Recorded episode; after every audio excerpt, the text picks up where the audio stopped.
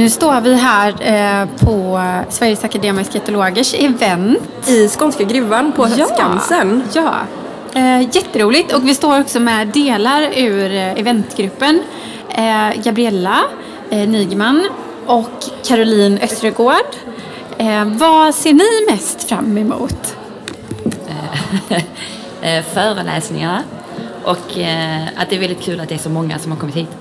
När du säger föreläsningar, vilka, vilka är det som kommer föreläsa nu i helgen? Eh, Daniel, Daniel Iglesias om reptiler. Eh, Daniel Roth eh, om, som tar in inspiration från djurparksdjurens berikningar. Och Emma Almqvist om kaniner och gnagare. Och Stephanie Edlund. Edlund om fåglar. Och eventet heter Djurvälfärd för exotiska djur. Ja, välfärd för exotiska. Ah. Väl, ja, välfärd. Det är en tungvrickare. ja, vi kommer återkomma med också lite korta intervjuer av föreläsarna förhoppningsvis om de vill svara på lite frågor. Så. Hej så länge.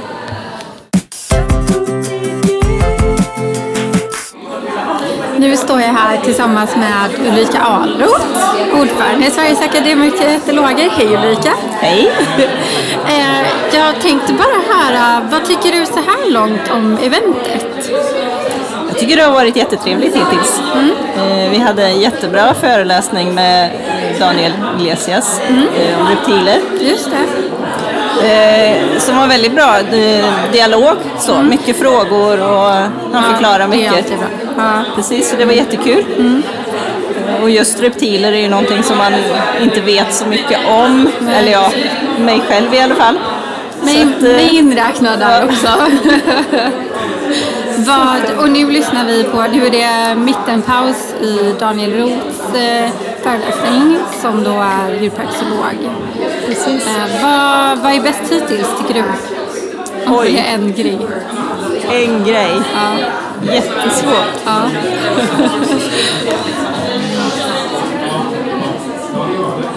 Eh, jag vet inte, jag kan inte välja för att det är, det är så mycket och det är mycket intryck just nu så jag tror att det är, det är en sån där sak som kommer i natt så man börjar sortera. Jag kanske ska ställa samma Så- fråga imorgon. Ja precis, vi får göra det. Tack så mycket.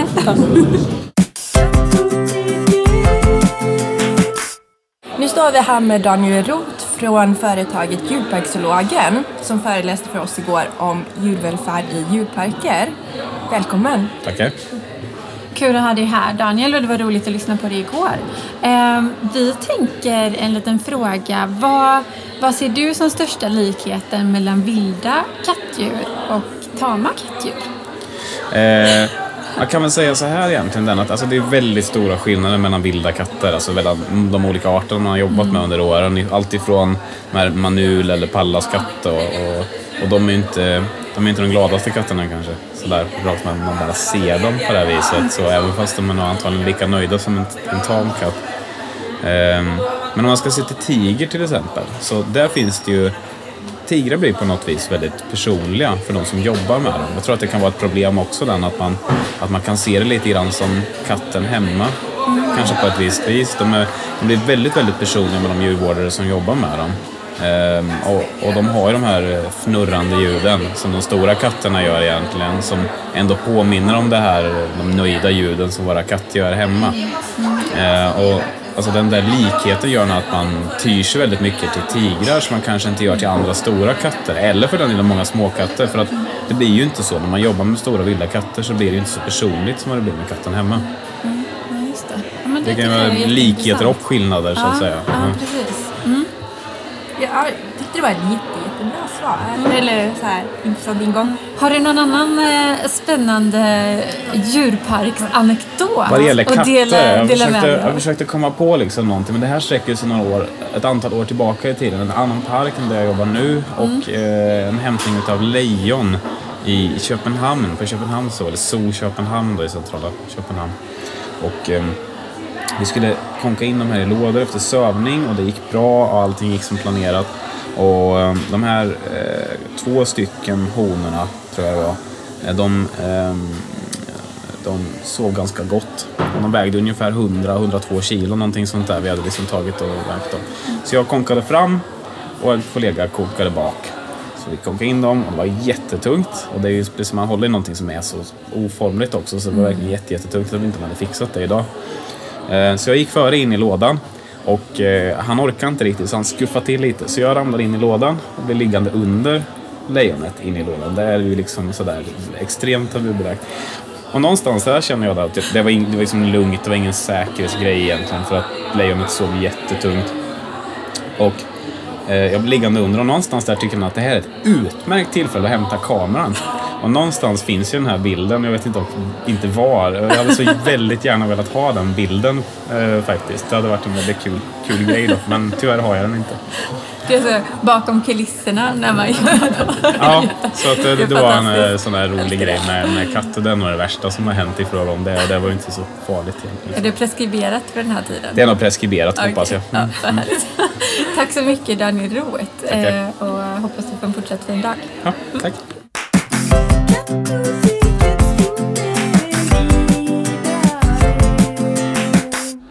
igen hörni! Eh, jag tänkte bara att vi skulle tillägga att eh, Daniel Roth också är, jobbar som zoolog på Borås djurpark, för det glömde vi säga sist. Eh, nu står vi återigen här eh, i Skånska Gruvans garderob och eh, med oss har vi Emma Almqvist eh, som driver företaget Djurvetologen och även är ordförande i kaninernas djurvälfärdsförening. Välkommen! Visst? Ja, hej Emma! Kul! Ja, och tack så mycket för en jätteintressant föreläsning. Tack Eh, Ja, det var Ja. jättekul tycker jag, eller hur? Fått med oss jättemycket nyttig kunskap. Mm. Och intressanta eh, tankenötter. Ehm, vi, vi tänkte bara ett par korta frågor. Ehm, hur skulle du beskriva god djurvälfärd? Eh, Eftersom att man ändå är etolog så går jag mycket i, på de naturliga beteendena, möjligheten att utföra de naturliga beteendena. Men eh, jag vill gärna inte att det ska ha en negativ effekt på hälsa eller känslor och upplevelse. Så att ett naturligt beteende i sig inte för mig självuppfyllande. Utan till exempel, även om kaninerna är ett bytesdjur och det skulle vara naturligt för dem att jag släppte in ett rovdjur ibland så är ju inte det ett positivt naturligt beteende. Så att eh, för mig är god välfärd en positiv upplevelse av naturliga beteenden. Bra sammanfattat. Det tycker jag med. och så, eh, det var eh, vanligaste missuppfattningen om kaniner. Det vi har i bakgrunden är förmodligen någon slags papegojfågel skulle jag misstänka. Eh, på eh, film, Ja. också säga. Kanske Stephanie Edlund, eh, Ja. den sista föreläsaren ut här idag. Eh, vi har, ehm, jag tänkte lite på det här, eller jag, vi tänkte lite på det här med, med vad är den vanligaste missuppfattningen kring liksom kanin, kaninhållning? Alltså kring kaniner som, som art är den vanligaste missuppfattningen att de är jättetråkiga. Det är ett tråkigt djur som sitter i bur. Och ja, sätter man den i bur så har vi lärt oss idag att då kommer den sitta där. Då blir den tråkig. Eh, den har tråkigt. Eh, men om kaninhållning i allmänhet, det som folk gör fel eh, är framförallt eh, tre saker. Det är att de utfodrar dem fel, de glömmer bort att de ska äta framförallt hö.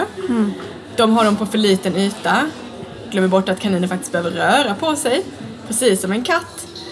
Eh, och eh, att de är sociala djur.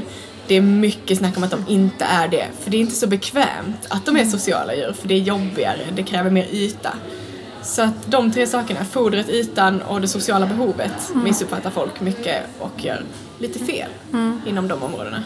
Och då kanske vi ska lägga till, för du sa det så himla bra på föreläsningen, att eh, all, alla människor gillar ju inte alla människor, eller Ja, jag, jag gillar ju inte alla människor så att det gäller att hitta en kompatibel eh, coworker.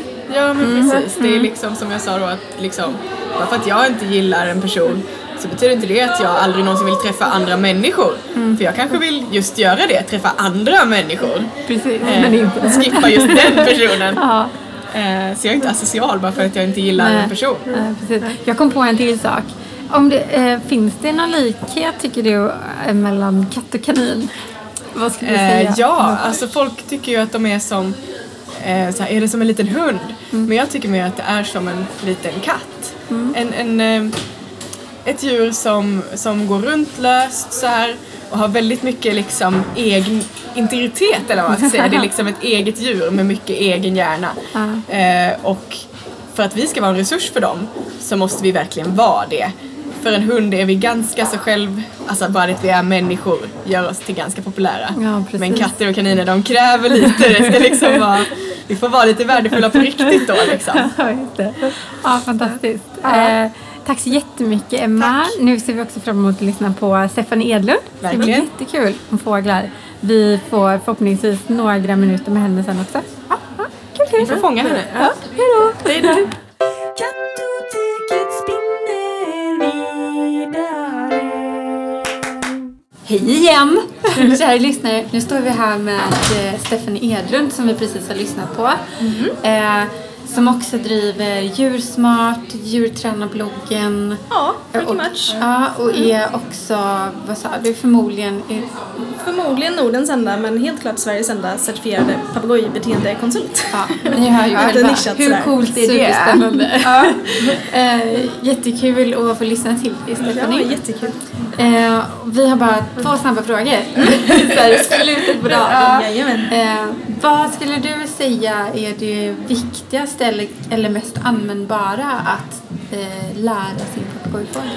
Ehm, jag tycker att det blir svårt att säga att det är något visst så här, beteende som är viktigast att lära dem. Men det jag skulle säga är allra viktigast är väl konceptet att de kan lita på oss och att vi inte gör saker mot dem som de inte tycker om. Det i sin tur innebär att vi måste lära dem massa olika beteenden som kanske underlättar i vardagen och så vidare. Men att vi inte tränger oss på dem, att vi respekterar deras kroppsspråk, att de vet att vi gör det. Eh, det är mycket det jag skulle säga är det som ligger, ja, den viktigaste grunden för att kunna göra någonting överhuvudtaget det. annat. Så.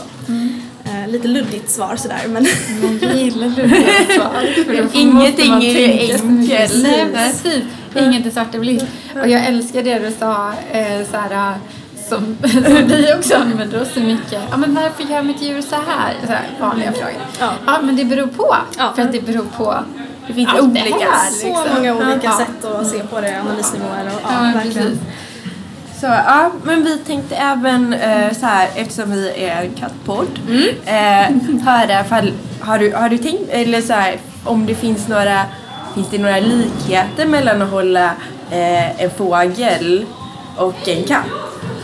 Alltså det finns det säkert. Jag har bott med en katt själv ett tag, eh, även om jag aldrig har haft katt själv. Eh, det jag upplevde då var att de verkar också tycka om att vara ganska destruktiva ibland. Typ putta ner saker, vara på ställen där de inte får vara och sånt där. Eh, så där kan man väl tänka att man tränar på ganska mycket samma sätt. De tycker ju också om att leva i 3D lite mer än vad andra djur kanske gör. Att de vistas högt upp och sådär. Det problemet, eller ja, potentiella problemet har man ju med papegojor också. Mm. Men Ja, att man glömmer av det. Att Ja, man bara precis. tänker så här. utifrån sitt eget perspektiv. Ja, Liksom. ja. Men eh, så hittar de någonting där de inte ska vara. Och sen så, ja. Att man ofta, jag tror att man med katter säkert ofta hanterar deras problem ganska reaktivt istället för att vara proaktiv.